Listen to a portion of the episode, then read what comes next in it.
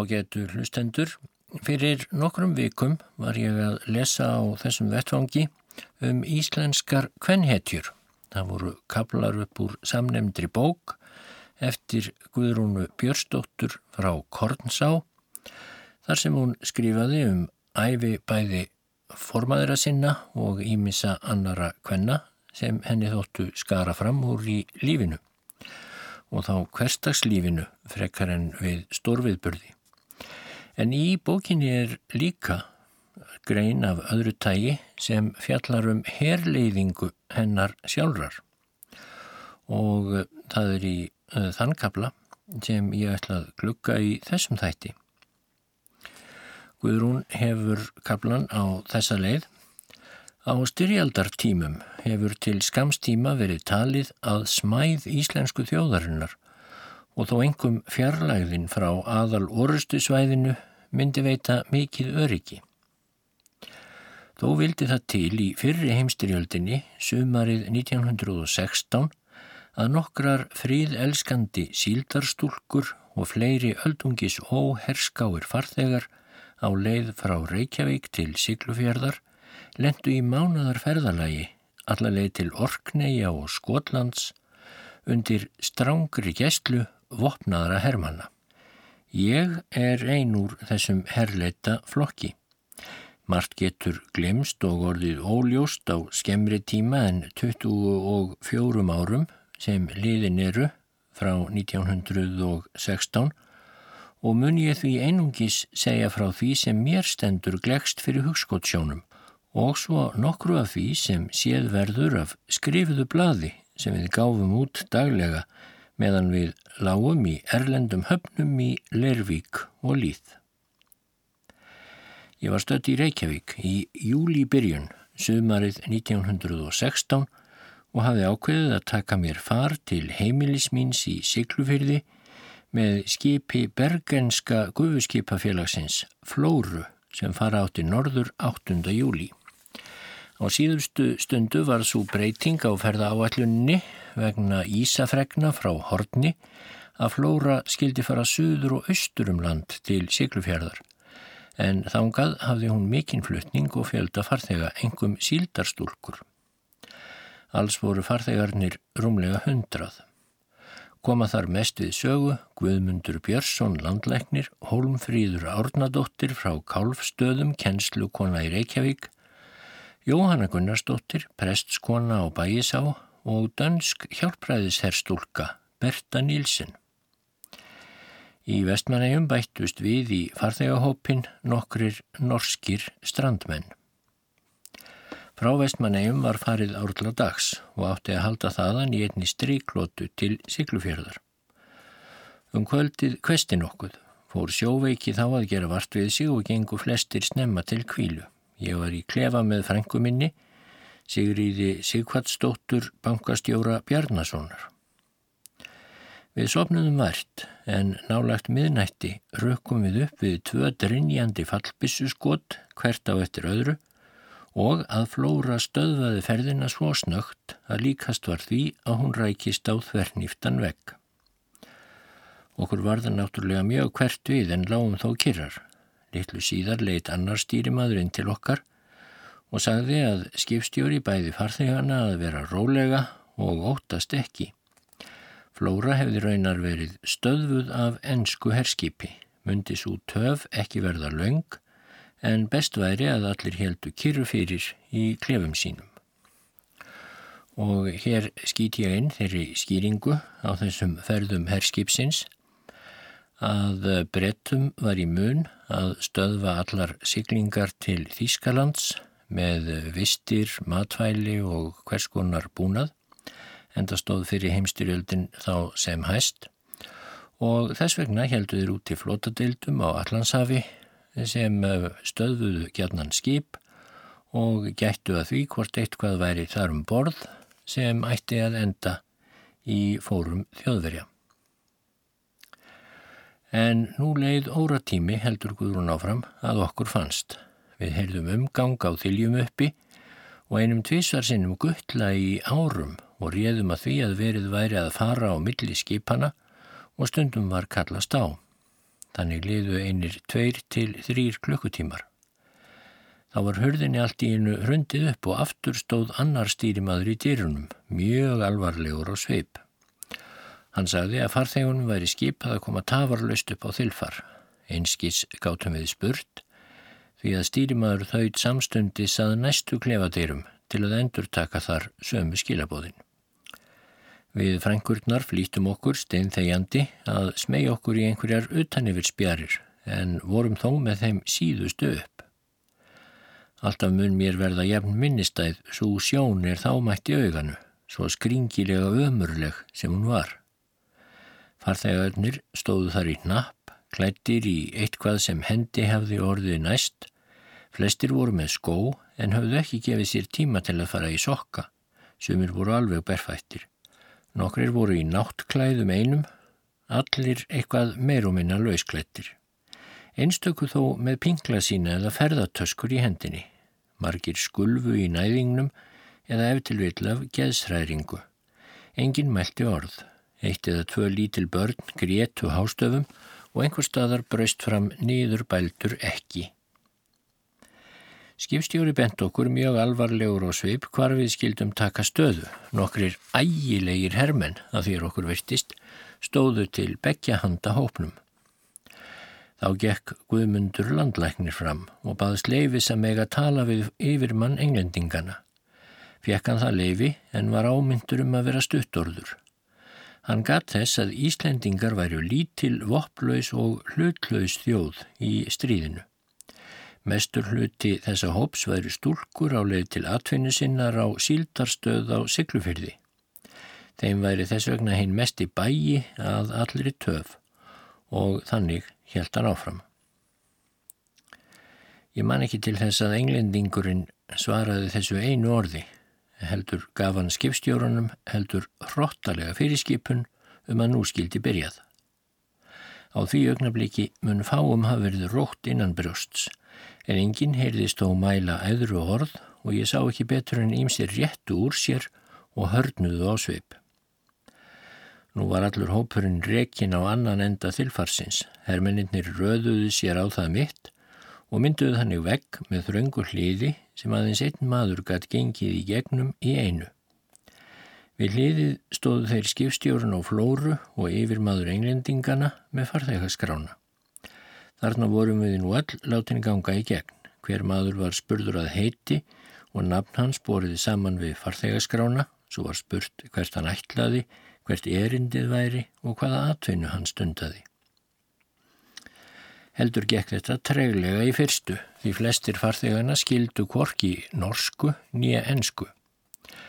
En barátt var landlæknirinn kvattur til aðstóðar sem tólkur og gekk þá allt greiðlega úr því. Að þessu loknu var öllum skipað að fara í klefa sína aftur og halda þar kyrru fyrir þanga til þeir fengju nýja tilkynningu. Rétt á eftir fundum við að flóra var að leggja af stað og samtímis fengum við bóð frá skipstjóra um að flóra myndi að líkindum verða að sigla til enskrar hafnar og væri ástæðan nokkrar lísisfötur sem á þilfæri væru en enski yfirmadurinn sagði að þar væri um að ræða bannvöru. En skipstjóri hvaðst gera sér vonum að fá að setja farþegana á land fyrst og þá líklega að fara með á til seyðisfjörðar. Ekki þótti okkur þessi kostur góður en þó láni og láni. Enska herskipið hafði stöðvað flóru á móts við öðræfa jökul og nú fylgdist að meðinni austur á bógin í nokkra klukkutíma en allt í einu var aftur stansað. Allöng stund leið og við vissum ekkert hvað til stóð, en þá kemur stýrimaður með nýja tilkynningu. Enska skipið er kallað skindilega í burtu en áður sendir það sex hermenn yfir í flóru til þess að halda þar vörð og nú er flóru skipað að sigla beint til Lervíkur með okkur öll. Ögn var farið að lifna yfir okkur en nú setti okkur hljóð að nýju. Næstu dagar voru heldur ömurleir, allkvast var og margir sjóveikir. Engin vissi hvað okkar beigð eða hvert okkur myndi verða þvælt. Eitt hvert kvís komst á loftum það að matarforði skipsins myndi vera lítill. Það allir þeim sjóveikustu náttúrulega ekki miklum áhyggjum því þeir höfðu yngva list. Síldarstúlkurnar höfðu sumar haft með sér dáli til nesti en það þraut náttúrulega fljótt. Og fyrst í stað þorðu þeir sem lítinn farareyri höfðu vallað að byggja um mat á skipinu því þeir byggust við að verða krafðir um greiðslu. Í frásögur var fært hvað tvær gamlar sistur sem voru í lestinni og í fyrsta sinn höfðu ætlað að prófa lukku sína í síldarvinnslu hvað þær væri rólegar. Þær höfðu nefnilega haft með sér sláturtunnu og sátu jafnan hvort sínu megin við tunnuna með prjónana sína. Þær þjáði hvorki yðjuleysi nýja matarskortur. Fljótlega var nú komið á föstu skipulagi um matarútlutun að fyrirsögn skipstjóra sem í alla staði reyndist okkur ágætlega og nokkrar sjóhraustar og fornfúsar konur tóku að sér að líta eftir þeim sjóveiku. Voru þar einna fremstar í flokki Holmfríður Árnadóttir, fröken Nílsen og reyndar fleiri. Ensku hermeninnir höfðu klefa útaf fyrir sig, ekki vissi ég til að þeir skiptu sér af neinu, en orð fór af því að mikið hefðu þeir meðferðis af skotvopnum og gæju glukka á hörðsynni svo óvarlegt væri að ganga þar framhjá. Það mun hafa verið að kvöldi fjórðadagsins eftir að við lögðum á stað frá Reykjavík sem við komum til Lervíkur. Við verðum kvildin í fegin. Næsta dag voru allir á þiljum uppi því að þá var sólskin og besta veður. Skipstjórin fór í land og kom aftur með ímsar matvörur þar á meðal glænían fisk og ávexti sem öllum þótti hið mestan norskæti hefðu okkur nú liðið afbræðsvel ef ekki hefðu sótt á okkur allmiklar áhyggjur út af því hvernig við myndum komast heim. Ekki fengum við landgöngulefi, lítið varum bækur og fáir höfðu með sér handafinnu efni.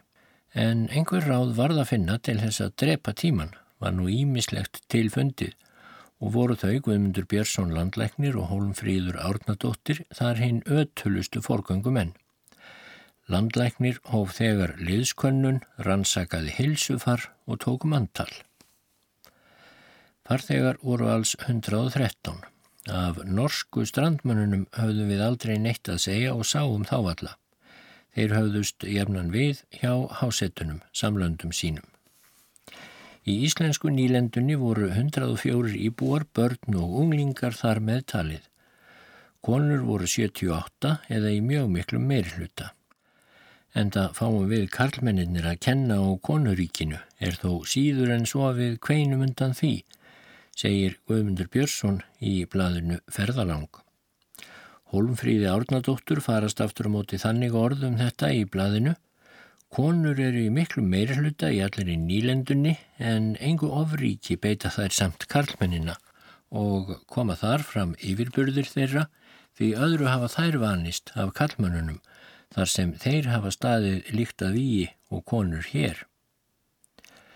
Vistarverurnar á flóru hlutu góð og gild íslensk sveitabæjanöfn, miðbæli, framles, hurðarbak, hali og halakot. Sameinlegar máltíðir á hverju heimilinu fyrir sig voru skipulagðar og viss tími daglega ætlaður til skemtana. Nutum við þar hins besta stöðnings yfirmanna skipsins.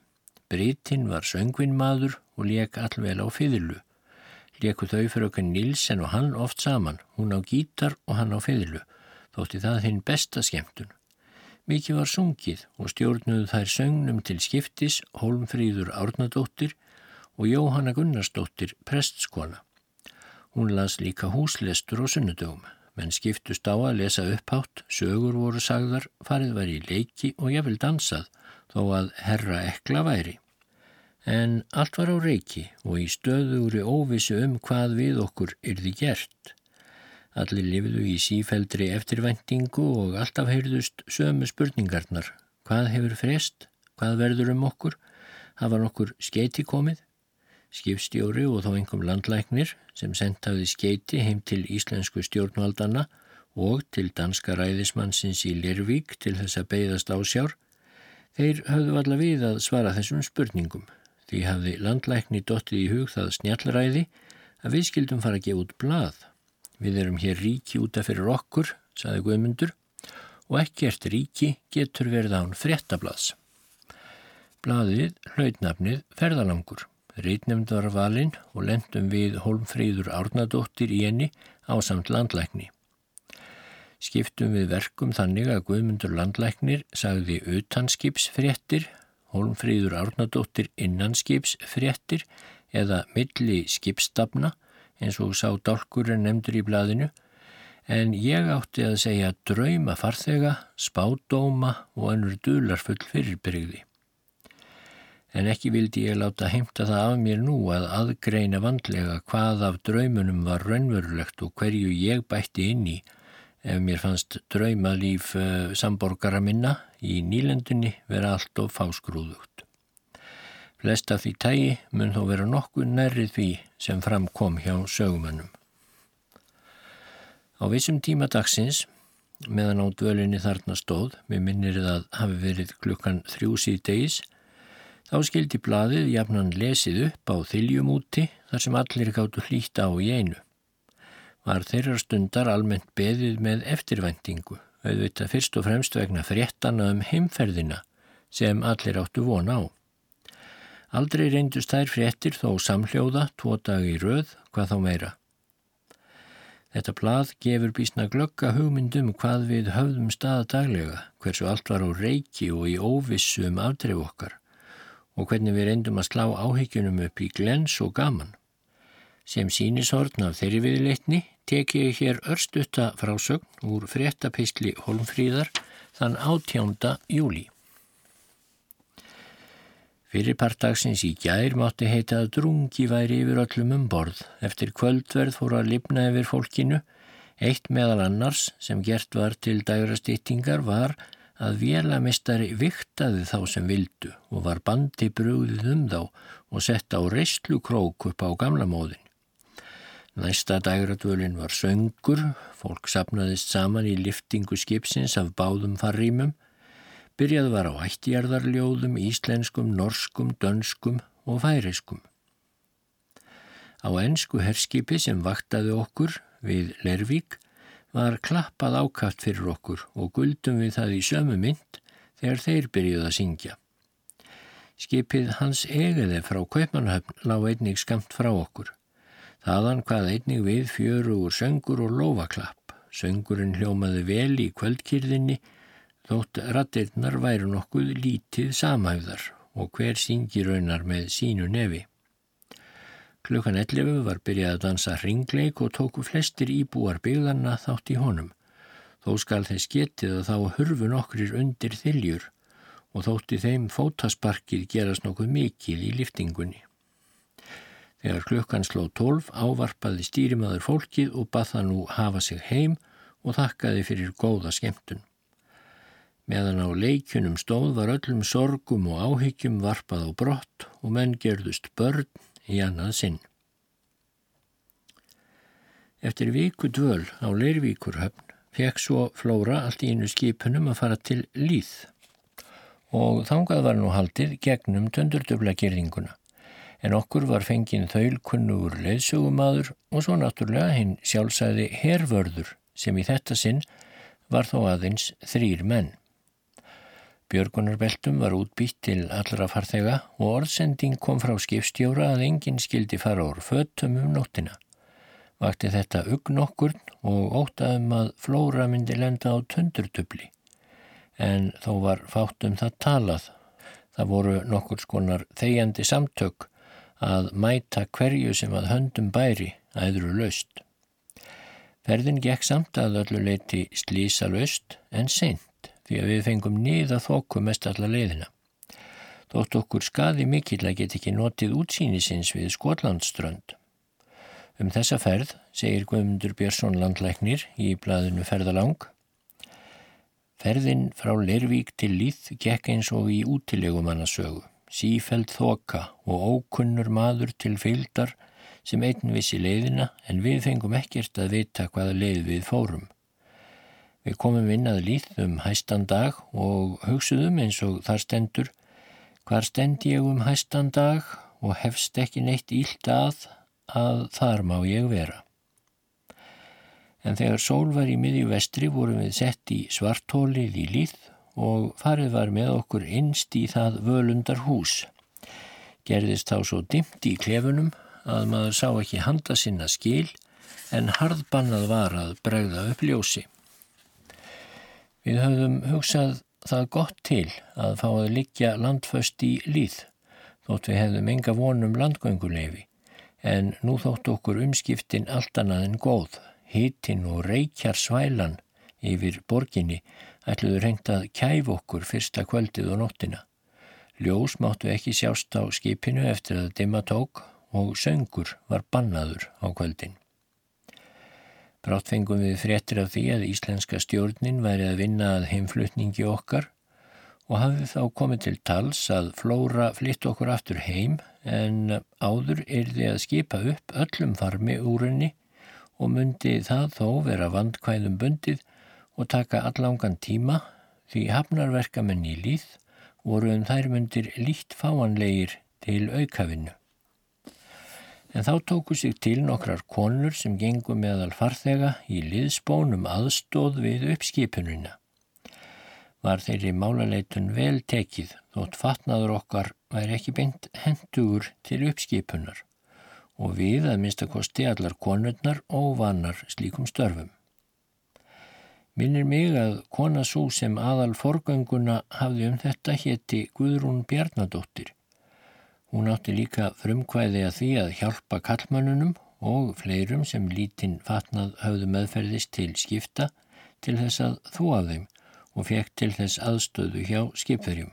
Var þvottastöð Guðrúnar mikið sótt og vel þökkuð.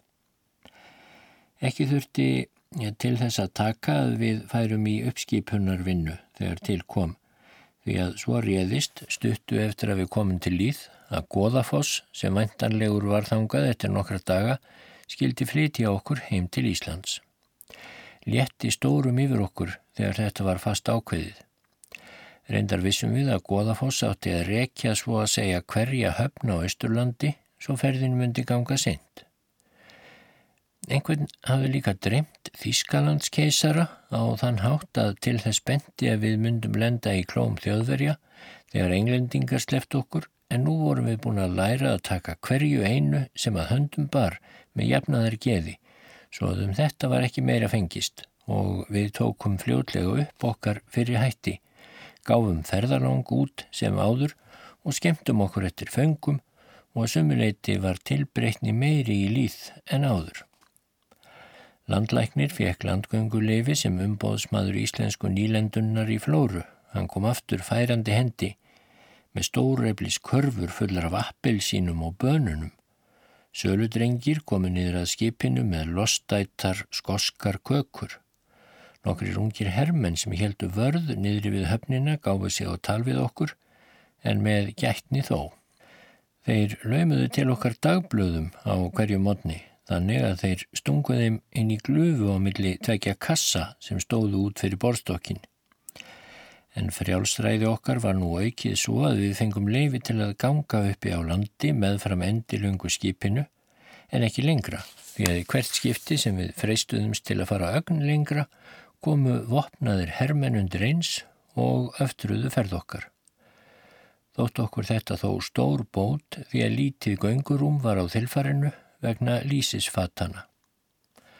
Hver skilnaðar veistlan rak nú aðra, þá veglegustu heldu yfir menn flóru, skipstjóri, stýrimenn og vélamenn með kaffidrykju og margskonar kræsingum, ræðuhöldum, kimnisögum og leikjum. Einu sinni böðum við miðbæliskonur til kaffidrykju með pönnukökum sem við höfum sjálfar bakað og fengum í því skyni aðgangað eldhúsi skipsins. Og þrísvar sinnum framreiti breytin jarðarber og rjóma sem skilnaðarminningu því búist var við brottflutningi okkar þann og þann dag en ekkert varð svo af. Eftir fimm dagar legu í líð rann lóks upp svo langþráða stund að við flyttum yfir í Kóðafoss sem samdægur sátti svo að leggja af stað heimleiðis til Íslands. Tilkynninguna um brottflutningin fengum við með aðeins klukkutíma fyrirvara og nú var uppi fótur og fytt.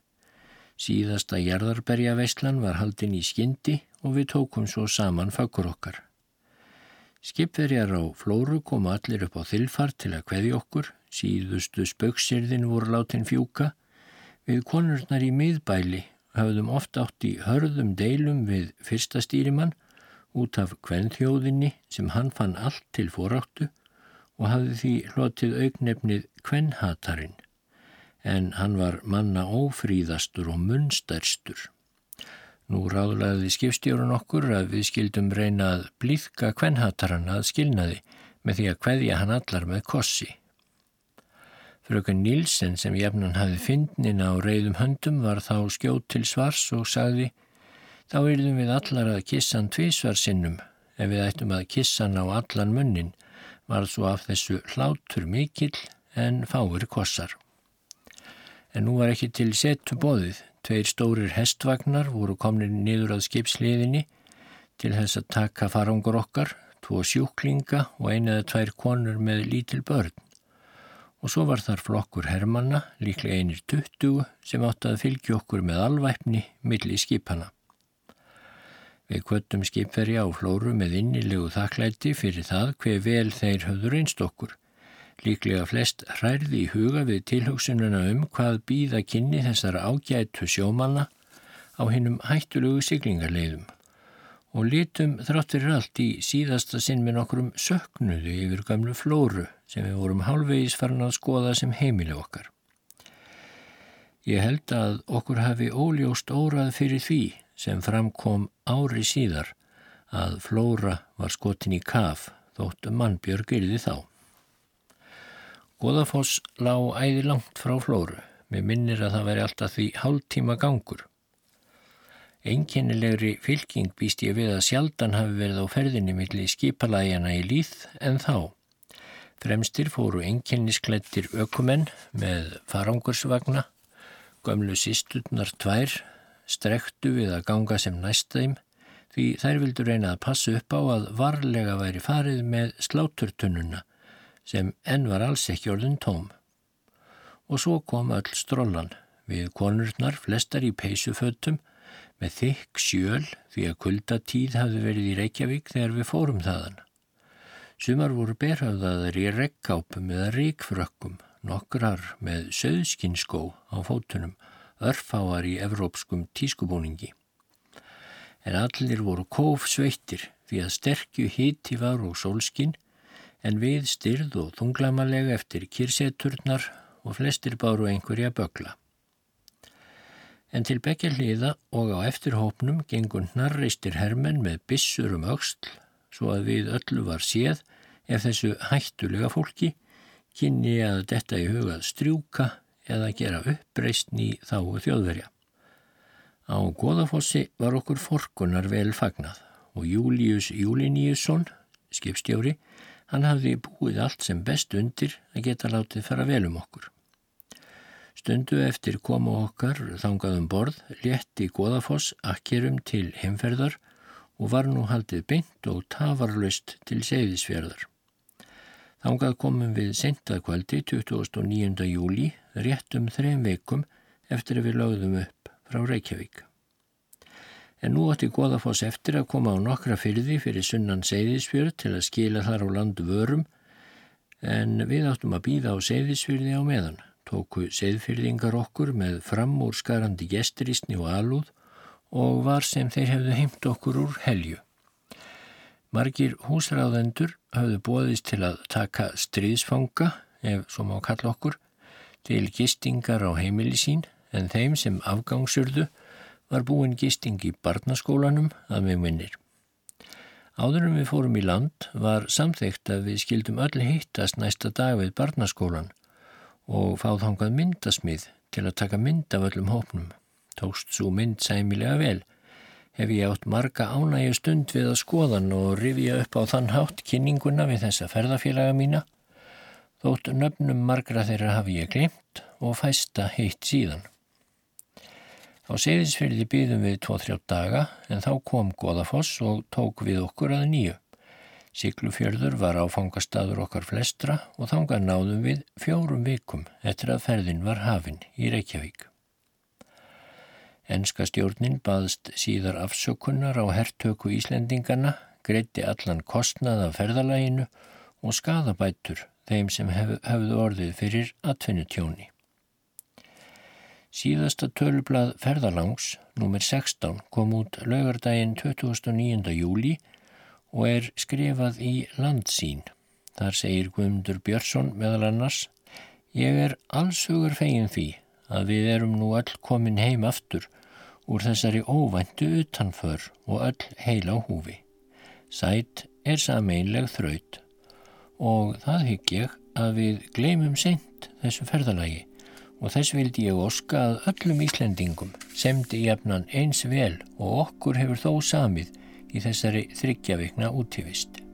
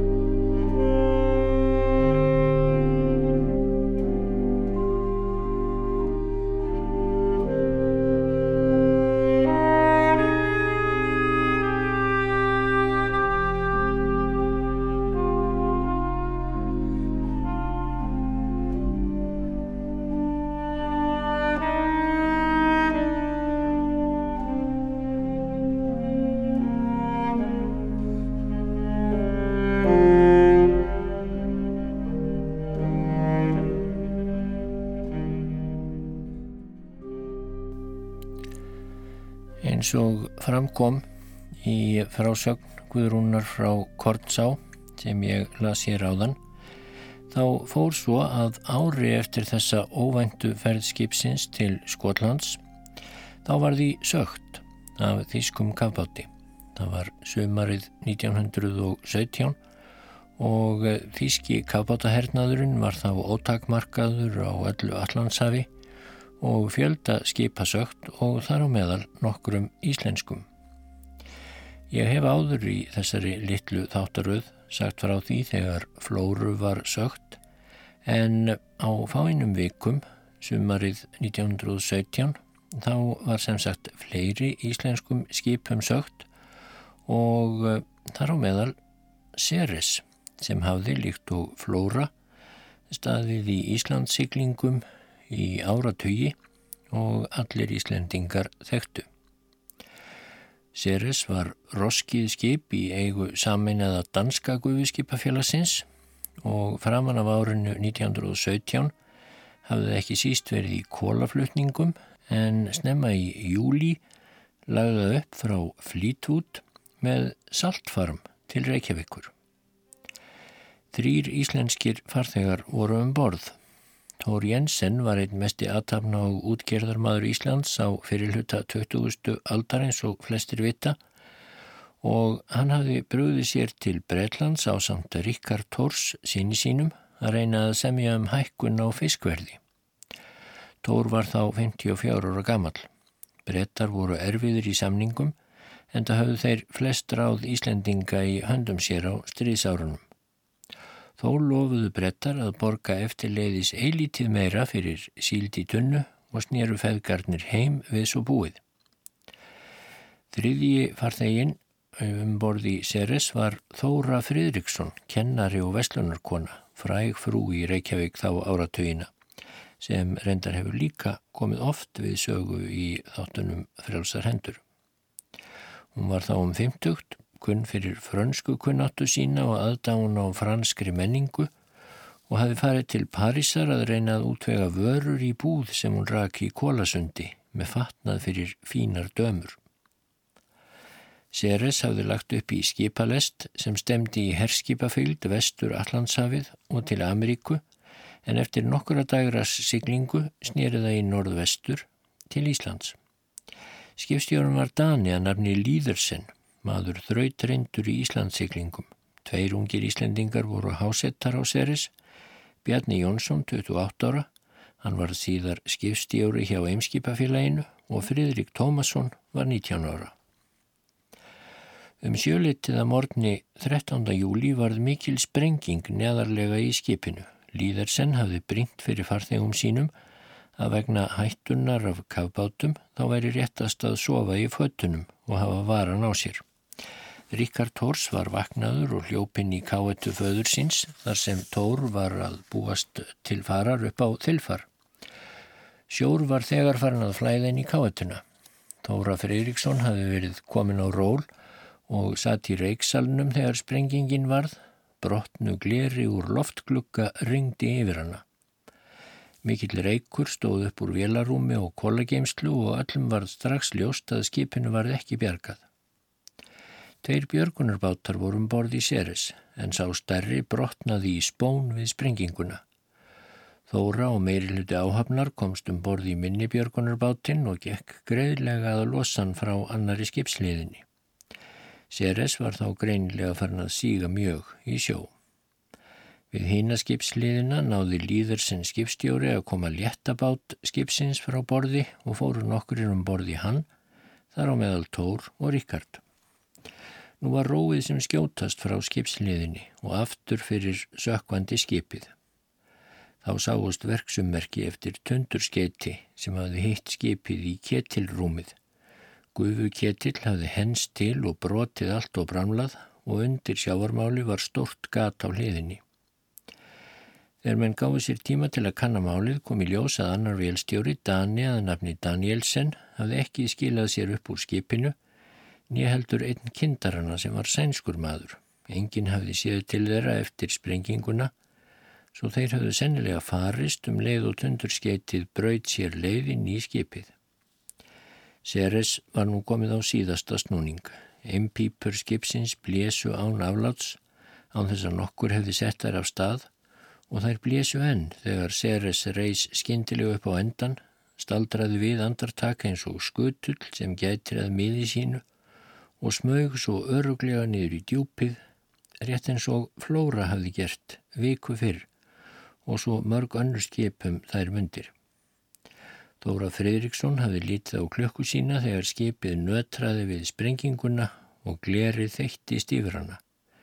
Þegar skutur Seres hvarf í hafið aðgætti hún klökkunað nýju.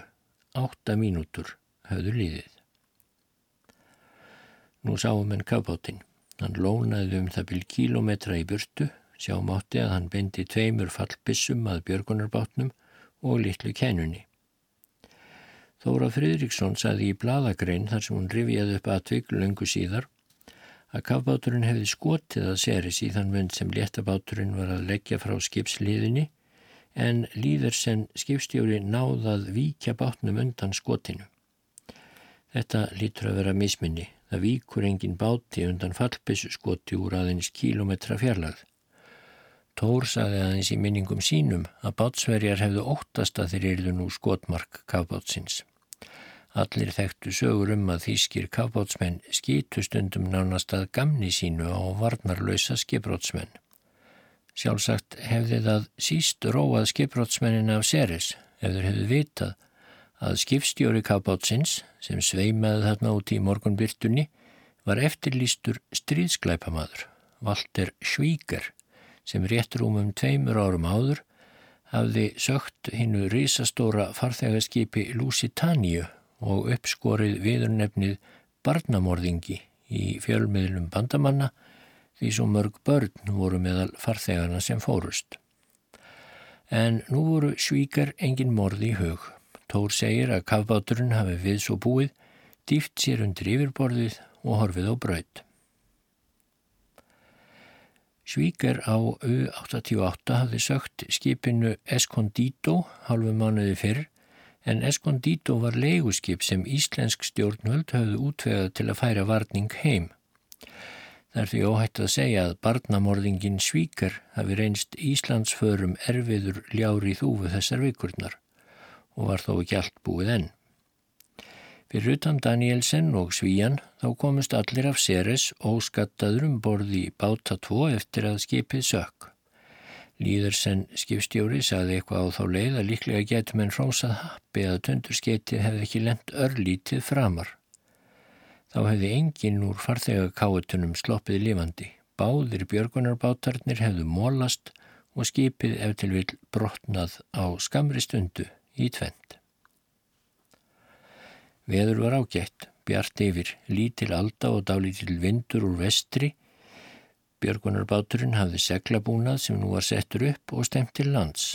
En það var langt að fara, eina 360 kilometra og aðeins einn bílaður áttavitum borð.